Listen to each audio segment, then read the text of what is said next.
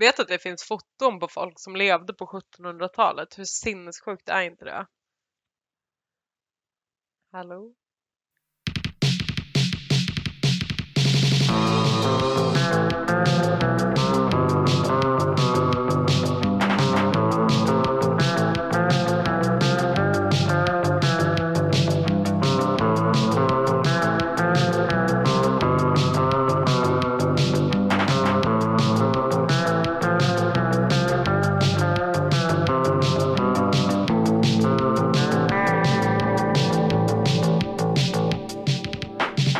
Men du, som sagt, du har ju fått listan så du kan gå igenom den.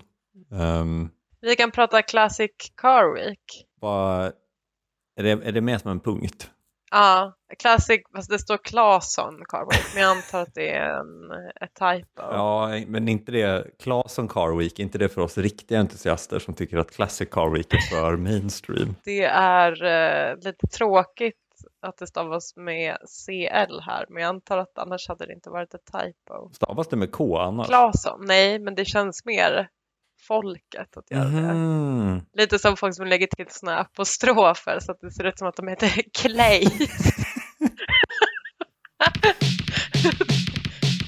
Ehm, så, ordning i klassen. Varmt välkommen till Tusen saker, Ellen Fredin Missgäld.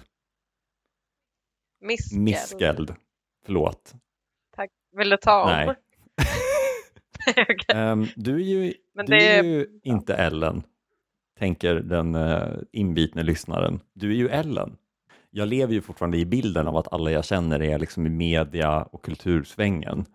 Men faktum är att alla har ju växt ifrån det, förutom du och jag.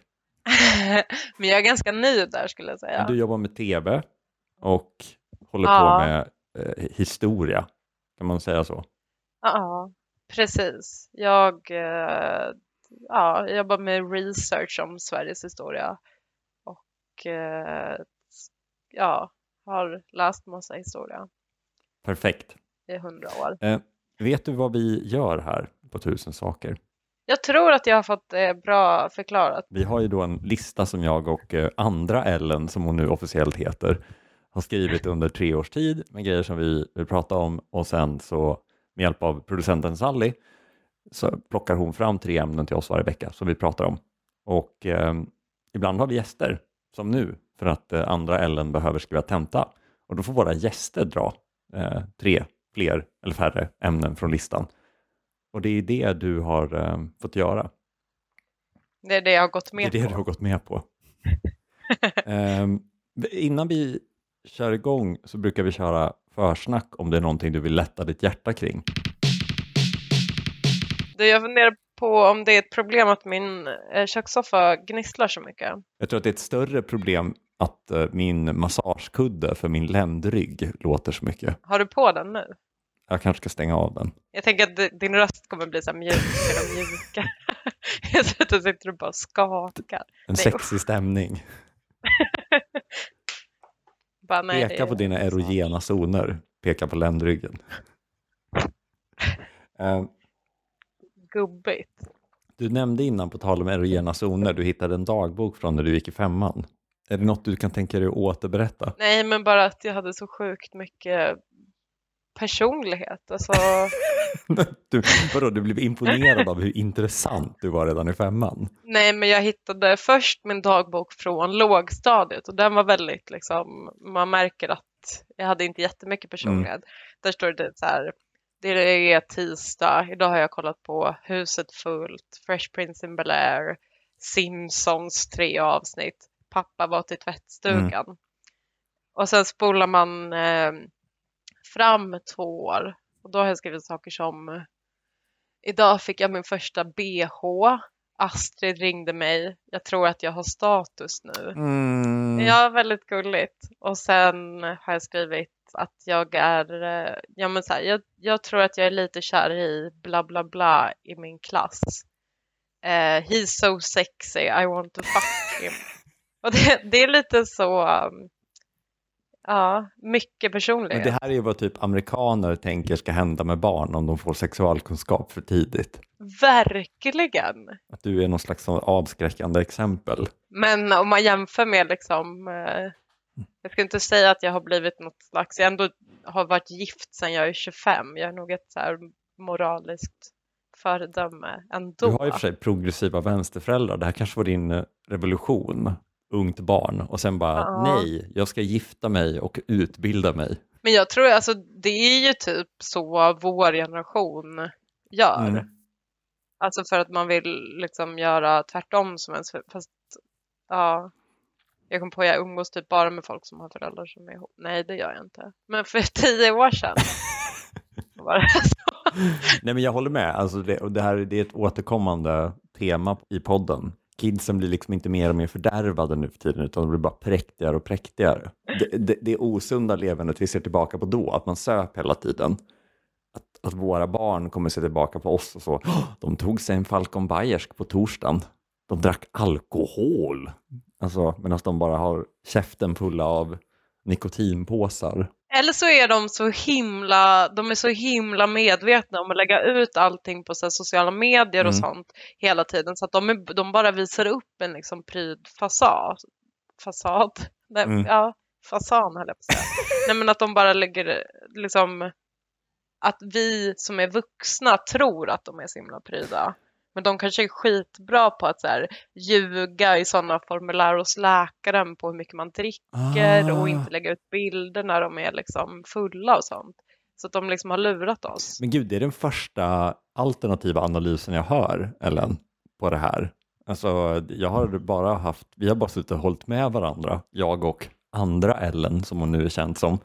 Men du presenterar helt nya uppgifter här. Att det, Nej men jag, vi bara är vuxna nu och därför inte vet om hur jävla mycket kids lever om. Och därför tror vi att de är präktiga. ja, men jag tror det. Eller eller så här, var kommer typ informationen om att de skulle vara så präktiga ifrån? Är inte det så här undersökningar? Men känns inte det här som institutet i Göteborg? Eller något sånt. Någon Ja. sån barometer. Och litar vi på dem? Alltså, ja, men eh, vi, Gud, jag kollade för länge på den här coronademonstrationen tror jag. Jag tyckte att det var uppfriskande, den demonstrationen, att, ehm, eller uppfriskande, men jag såg foton från den, att det var någon liksom mitt i som tog tillfället i akt och gick runt med en skylt där det stod Hitler did nothing wrong. Jag bara funderar på hur han tänkte. Nej, men han hade en lång förklaring också om att det liksom egentligen var Sovjet som sysslade med folkmord och Hitler ville bara att alla skulle ha det nice. Det, det var liksom, alltså hans skylt var typ en A4 eller två A4 text bara, så den gick liksom inte att läsa på håll. Eh, som handlade om liksom Hitler var a, a, good guy. Ehm, men, men det var in, kan det- intressant bara hur han tänkte när han såg den här demonstrationen och kände jag provar, de kanske de kanske håller med mig. Nej, man, är, man vill så himla gärna hitta ett sammanhang. Liksom. Ja, men man har, alltså för, för det känns ju, ja okej, det finns ju nazister um, och, och de, det är de vi, vi tycker illa om. Liksom. Uh, men sen finns det ju till och med nazister som inte tycker att liksom, Hitlers tolkning av nazismen var bra, utan de vill ha en annan. Men det här är en kille som bara verkligen gillar Hitler. Alltså han måste ju vara superensam. Men gud, är inte det här liksom att det är så himla mycket fokus på aktörer nu? Att man har så här P3 ID, P3 Historia, där allting handlar om aktörer. Så man liksom lyfter ideologin, eller man ly- lyfter personerna från ideologin. Ja, ja, du tänker att det, det blir lättare att sälja med den personliga berättelsen om Hitler. Hur var Ja. han som person? Ja, men känns inte det lite 2022? Jo, att vi kommer få lära känna människan Hitler, tänker du? Ja, Det har varit mycket fokus Alltså- på att han sitter och skriker i något rum och pekar på en karta, men nu, hur var han med sina barn? hade Hitler Jag barn? vet inte. Du ser, det är, det här, det är därför de här, den här killen vill... För P3 ID behövs. Nej, men jag vill säga en, en eh, sista sak om den här demonstrationen. Självklart. Alltså, jag har tänkt mycket på det här att flytta till Stockholm. Mm. Och jag tycker det bästa motargumentet som finns mot det är ju så här. Okej, men då kommer dina barn bli stockholmare. Och det vill man ju inte. Nej. Men eh, jag tyckte ändå att det var liksom extra tydligt idag när de, eh, eller idag, igår, på det här, eh, de- de hade filmat från demonstrationen. Och så stod det tre stycken kanske 16-17-åringar. Ja, ja. Som liksom pratade om varför det var så fel att demonstrera. Ja. Eh, med liksom väldigt, de såg ju väldigt, eh, ja men, ja, övre medelklass, överklassiga mm. ut. Typ internationella Engelska mm, skolan mm. i Täby. Och så sa den ena, alla här är ju så outbildade mm. istället för obildade. Det tyckte jag var så himla roligt. Man bara, men ni är inte utbildade. Alltså, ni går i, i ettan på gymnasiet. Det är det värsta så här, som Anton Abele som var liksom, en av hans hjärtefrågor, förutom att han var emot eh, våld, var ju arbete. Ja.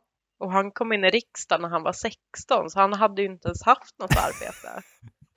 Det är lite samma. Sen, Då har vi skänkt en tanke till honom. Ja, men det är viktigt att någon gör det då och då.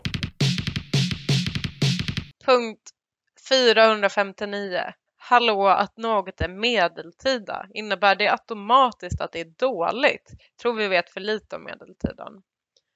Eh, det är ingenting som jag kan skriva under på då, att jag vet för lite om det. Jag tror att jag vet alldeles, alldeles för mycket om medeltiden. Um, varför tänker du att medeltiden var dålig? Nej, men jag, jag, jag, jag, tror att det är jag som har skrivit den här punkten. Det var så länge sedan, men... Um... Det känns lite personangrepp. Mot dig? Jag kan ju säga det att jag har en master i medeltidsstudier. Um, så jag tar det här väldigt personligt. Jag tror att poängen egentligen med punkten var att jag ville ta upp att det var inte så himla länge sedan det var dåligt. Man behöver liksom inte gå till medeltiden för att säga att någonting sög. Att det är så, ja men det är bara att gå tillbaka till liksom, vadå, 1950 så hade väl typ hälften av befolkningen bara utdass och så, jag vet inte, frös ihjäl och dog i polio. Eh, så man behöver inte ta i ja. som man spricker bara för att säga att något är dåligt. Men, eh, men sen Nej. så började jag fundera på om det verkligen också är, det kanske var bättre förr. Det kanske var vissa grejer vi gjorde på medeltiden som vi var mycket bättre på. Alltså jag brinner ju för att kvinnor hade det bättre, eller för den teorin mm. om att det var Luther som förstörde för kvinnorna. Att, eh, alltså innan Luther och reformationen och man gick över till protestantismen, då kunde ju så kvinnor vara idoler som på medeltiden. Då fanns det ju så här helgondagar och helgonbilder och mm. Gud vet allt. Så kvinnor kunde liksom vara idoler. Men sen kom Luther och så tog han bort allt det där så skulle det bara handla om eh, Jesus eh, mm. och Gamla testamentet och alla snubbar liksom. Det, ja, för det, det tänker man ju inte på när man tänker medeltiden. Men ska vi göra en folkbildningsinsats Um, du, brukar ju, du brukar ju fråga uh, människor du träffar för första gången om de kan säga när medeltiden var. Och när var den då? Um, ja, man skulle väl säga egentligen så här 1100-tal um, är kristnas hela Sverige. Mm. Det är då som Uppsala blir en... Gud vad jag förstår att det är tråkigt. det är då Uppsala blir erkänt som en egen stift. Ja. Um, och sen tar det slut då abrupt på 1500-talet när Gustav Vasa blir kung och man övergår då till eh, protestantismen.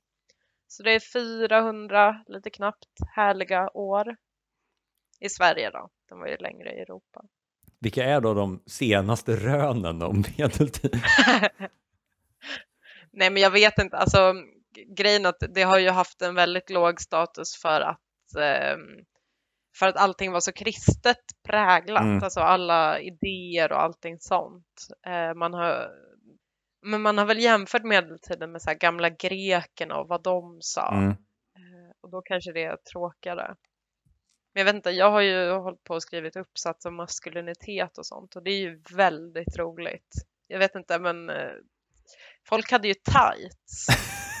nej, men eh, nej, men jag har skrivit en väldigt rolig uppsats tycker mm. jag om maskulinitet på medeltiden och min förhandsbild var att det skulle vara typ ja, men, eh, mycket riddare och ära och sånt.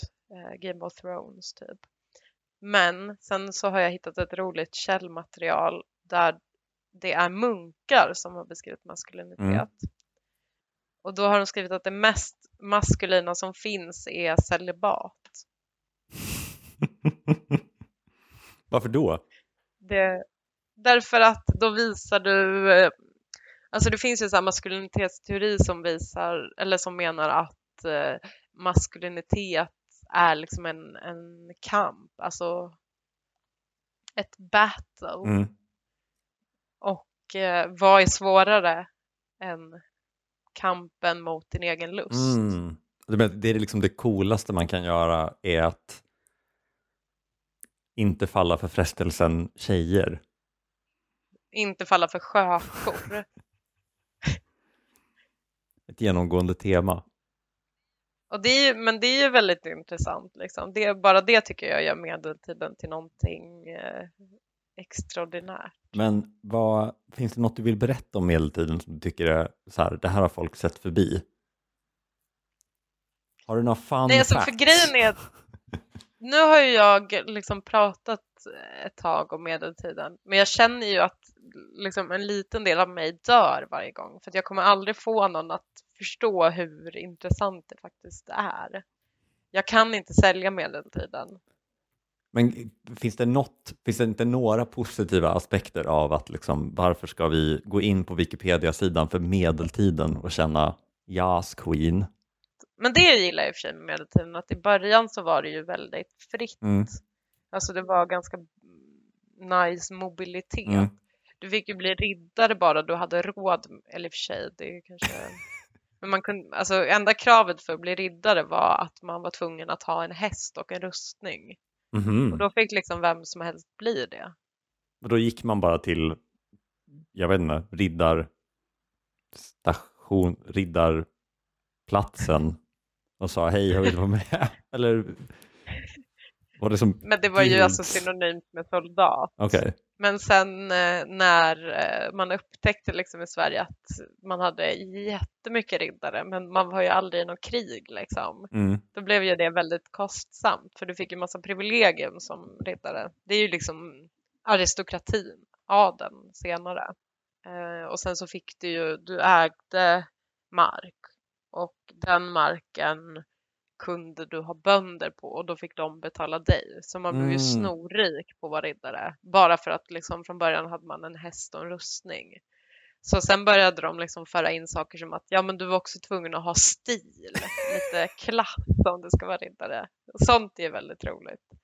Liksom, hur bedömer man det? Ja, det var väldigt svårt att bedöma. Då fick de börja med det här med att man skulle ha liksom en, eh, alltså med heraldik med eh, sköldar, och eh, släkt och så. Mhm. Men det var liksom väldigt eh, lukrativt från början. Okej, så från början så det fanns en massa markyta som behövde kontrolleras, så staten ville ha riddare. Och då kunde först vem som helst bli riddare.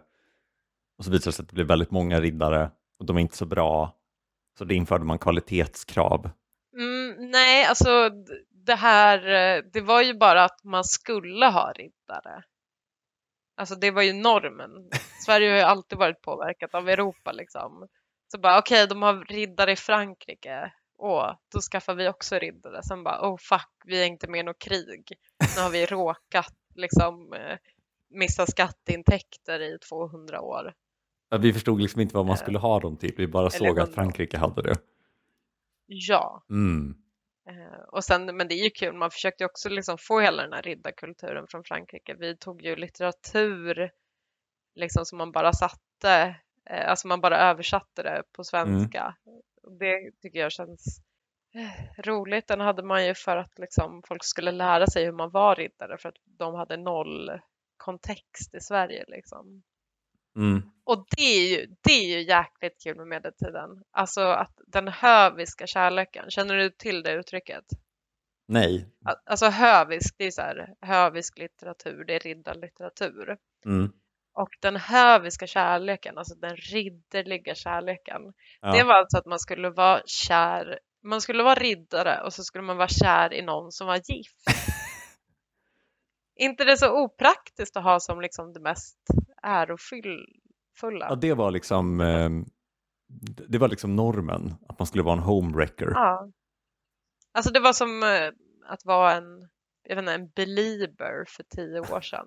Liksom det som alla var bara. Det var, det var ens bild av kärlek då, att man skulle vara kär i ett pojkband. Men alltså vad jobbigt då som, alltså som icke-riddare och gift man. Vad stressad man måste ha varit då. Ja, men det skulle vara någon ovanför dig. Och de ovanför var ju typ drottningar. Okej, okay. så man, man, skulle vara liksom kär i typ greven, feodalherrens uh, fru? Ja, eller typ kungens fru. Mm -hmm. Stressigt för kungen då, tänker jag. Att det liksom finns en norm där alla vill ligga med ens fru. Ja, och så himla, tänker jag, så här, otacksamt. För att det var också sån liksom hederskultur och man skulle ju liksom bara bete sig som man skulle hela mm. tiden. Så du kunde ju liksom eh, i verkligheten, alltså dikt och verklighet skiljer mm. sig, men det var ju aldrig någonting som gjorde någonting, någon som gjorde något åt det, mm. tror jag. Alltså du, du var kanske inte, du var inte ens kär i drottningen, du var tvungen att vara det för man skulle vara det. Ja, precis. Du kanske till och med var kompis med kungen tyckte det var så jobbigt att ligga med hans fru, men det var liksom bara så. Ja, det är ju jättespännande. Alltså varför skapa en sån bild av kärlek som är ouppnåelig? Men jag vet inte hur mycket jag brinner för att folk ska börja tycka om medeltiden heller. Det är liksom ganska härligt att ha det i fred. Mm. Men jag är samtidigt fruktansvärt rädd att eh, folk ska tro att jag gillar medeltiden. Men du gillar väl medeltiden? Ja, men jag gillar det på ett speciellt sätt som är inte ett nördigt sätt. Nej, men alltså jag, jag förstår precis vad du menar, för jag kan känna så med min, alltså jag har ju liksom en, en veteranbilshobby, eller en Saab-hobby liksom. Ja. Och samtidigt som jag vill hitta människor att dela det med i vått och torrt, nej men bara, vet, man bara vill vara i en grupp, så blir jag ju också, får jag också panik om jag träffar någon som liksom också kan någonting om bilar, för att jag antingen känner mig liksom underlägsen eller att jag känner att jag försöker mansplaina något. Eller typ så här, ska du ta min grej ifrån? Alltså så att man, man, man längtar efter umgänge men man är så rädd att det på något sätt ska förstöra den lilla platsen man ändå har. Jag, jag vet inte, för vem konkurrerar man? Men jag tänker hela tiden att om jag säger att jag tycker om medeltiden och någon kommer säga liksom så här, ja men det gör jag också, jag har läst fantasy. Ja. Då förlorar jag på en gång för att jag inte har gjort det. Och då blir det helt plötsligt liksom mindre värt. Helt plötsligt så känns det nu som att jag är hos min psykolog. Men det är inte så med medeltidshobbyn som det är med bilhobbyn att alltså det kanske är så att någon renoverar sin bil så att den blir super, super duper fin Eh, och då kommer någon och känner sig liksom kränkt och säger då, jaha, men du har inte använt originaldelar när du har renoverat. Du har använt nyproducerade delar, så det är inte på riktigt att man liksom delar upp och säger att men du är inte alls duktig, du gör inte som man ska. Men så är ju hela live-communityt och det är väl ja. därför jag inte ger mig in i det. Alltså då är det så, du har använt korssömn, det hade de inte då. Och det är ju liksom nördigt. De hade inte overlock-maskiner på medeltiden. Vad är det? Eh, det är väl någon sån här... Jag, nu, nu, nu called you, du called me out nu att jag inte vet vad det är, men det är en sömnterm. ja, okej, okay, men det var snyggt att du kunde den. Tack. Så. Nej, men eh, Sebbe och jag skämtar om att, det här, att man skulle kalla det här märket Oskar Jakobsson för Robert Gustafsson. ja, det var bara det jag ville säga. Alltså jag tänker att den här punkten vill du bara ha för att du vill säga att du skulle gifta dig med Telia. Jag har ju ingen TV. Eller tänker du på försäljare? Ja. Jag tänkte att om det fanns här tre reklamfilmer. Jag tänkte så här Boxer-Robert typ. Ja, så. Te ja. Telenor-pappan. Gifta. Nej, han är död. Är det någon du känner att du vill? Eh... Vad sa du? Tre, Tele2 och Telia? Punkt 811, Gifta ligga döda, kille från 3, kille från Tele2 och kille från Telia. Ja, alltså lite så. Jag, jag, jag skrev bara det här för att jag, eh, jag tycker att det känns så jävla uppenbart att man ligger med Tele2, alltså lite äh, gifter sig med Telia och dödar 3. Ja. För att, alltså så här, tryggt stabilt liv med Telia, Ja. spännande nykomlingen. Visserligen inte nykomling och spännande nu för tiden, men Tele2 var ju det när det kom, liksom. det andra telefonbolaget, en lite yngre, snyggare modell. Eh, och sen har vi tre som bara är så här en störig person. Man måste ju utgå från nuläget. Du kan ju inte säga att de var hotta när de kom. Ja, men det är väl lite som, Det är som att ligga med Björn Borg idag. jo, jo, men Det vill man ju inte. nej, men jag menar bara att så här, det är ju, men säg så här då, Björn Borg har ju en hottare vibe än, säg, Göran Persson. Eller säg Ingvar Carlsson, Ingvar Carlsson och Göran per, äh, Björn Borg. Då vill du ju hellre ligga med Björn Borg då. Men det här är någon slags historisk gifta ligga döda. Alltså att utgångspunkten är när de var, alltså förr. Men skulle, man skulle ju fortfarande vilja ha det så idag Men du ska alltså gå till sängs då med Tele2. med någon bara för att de var hottare när de kom? Eller i och för sig, det låter i och för sig hot men när de kommer, det vill man ju. Men eh, Det är ju ingen tyvärr. Men vadå, skulle du göra på ett annat sätt? ja, jag skulle gifta till två för att, eh, för att de hottare när de kom. Nej, men eh, de känns ju liksom mellan. De, var hot, de, de kanske är hot dad nu menar du, men de var unga och snygga. Eh, nej, men och sen, men man vill ju inte ligga med Telia. Nej, det vill man Och- inte. Nej, och då är det väl tråkigt att vara gift med dem. Ja, men känns det inte så att man skulle kunna älska med Telia? Det tror jag får stå för dig. Men du vet, trygga, stabila Telia. Alltså lite så, jag vet inte. ehm, stora, starka Telia som kan liksom är bygga en absolut ett- bastu. Det är absolut ett första äktenskap. Ja, jo, men det, ja, men det är ju lite det jag menar med ligga med Tele2. Att Tele2 känns ju som det andra äktenskapet. Ja, precis. Och sen har man en tre i mitten där innan man stadgar sig för andra gången. Ja, du menar att alltså, så man är gift med Telia och sen tar det slut. Man är otrogen med tre och sen gifter man om sig med Tele2. Nej, jag tror att man är otrogen med Comvik och sen så blir man singel och sen då dejtar man en, en trea. Men alltså, vänta lite nu. Comvik är väl Tele2s barn? så man är gift med Telia, ligger Ja. med Tele2s barn, Då är det väldigt stelt sen. dödar tre och sen gifter sig med Tele2. Det här känns ju som medeltiden, alltså som någon sån familjedynasti från medeltiden. Verkligen. Det var ju ehm, några på Sebbes eh, jobb. Mm. min- Din man alltså. Min mans jobb. Som fick sparken för att de hade lekt eh, gifta ligga döda eh, om några på jobbet. Det, det var faktiskt det första jag tänkte på när jag såg den här punkten och kände att kan jag bli cancelled på något sätt? Men alltså mobiloperatör, alltså så känsligt kan det väl inte vara med mobiloperatörer? Nej, vi brukar leka gifta ligga döda på mitt jobb nu. Med historiska karaktärer. Ja. Och det är väldigt kul att sitta så här, nej jag vill inte ligga med Karl den trettonde, men jag måste för jag vill inte ligga med Karl den tionde heller. Nej, hur ofta är Eh. Bockstensmannen med? Eh, nej men han känns så obvious ligga så att det blir liksom tråkigt. Det finns ingen att tävla med honom. Nej jag skojar, men han, han är svår att placera. Man vill ju ha folk som är ganska lik liksom.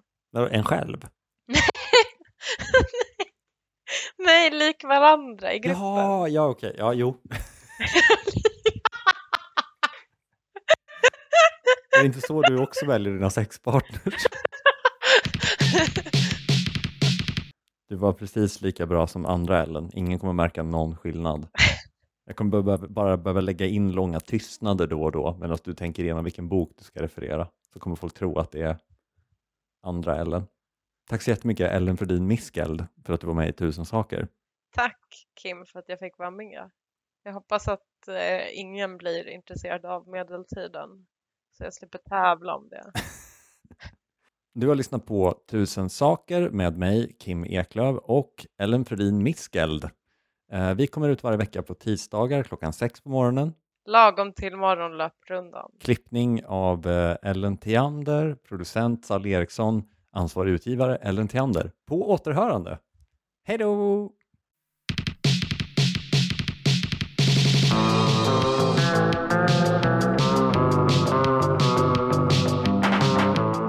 Okej, ehm, nu har jag hittat en lista här med ehm, olika svampar Ja. Jag har också hittat en lista med olika virtuella operatörer. Ja. Och så ska du gissa om det är en virtuell mobiloperatör eller en svamp. Okej. Mm. Är du med? Ja, jag har förstått reglerna. Okej. Cellip. Svamp. Nej, mobiloperatör. Som språkmänniska, varför sluta på ett P? Vet inte. Som Okej, Ja. Glomero. Glomero. Jag hoppas att det är en, eh, alltså ett statement att det är en sån gammal, inte smartphone försäljare. Som Glocalnet. Typ. Ja men såhär Glomera på din smartphone. Åh gud. Eh, jag tror att det är en, att det är ett smartphone eller ett mobil. Nej, det är en svamp. Va? Japp. Det här var svårare än vad jag trodde. Eller hur? En till då. Um, Telnäs. Ehm, svamp Nej, också, eller det är en mobiloperatör. från Upplandsnäs. Ehm, en till. Fibio. Svamp. Nej, mobiloperatör. Du skojar? Nej! Okej, Neokalim. Ja men det måste vara en svamp. Det är en svamp. Ja. Okej, en sista då. Flugsvamp. ja, Ja, nu får du gissa. Bredband 2.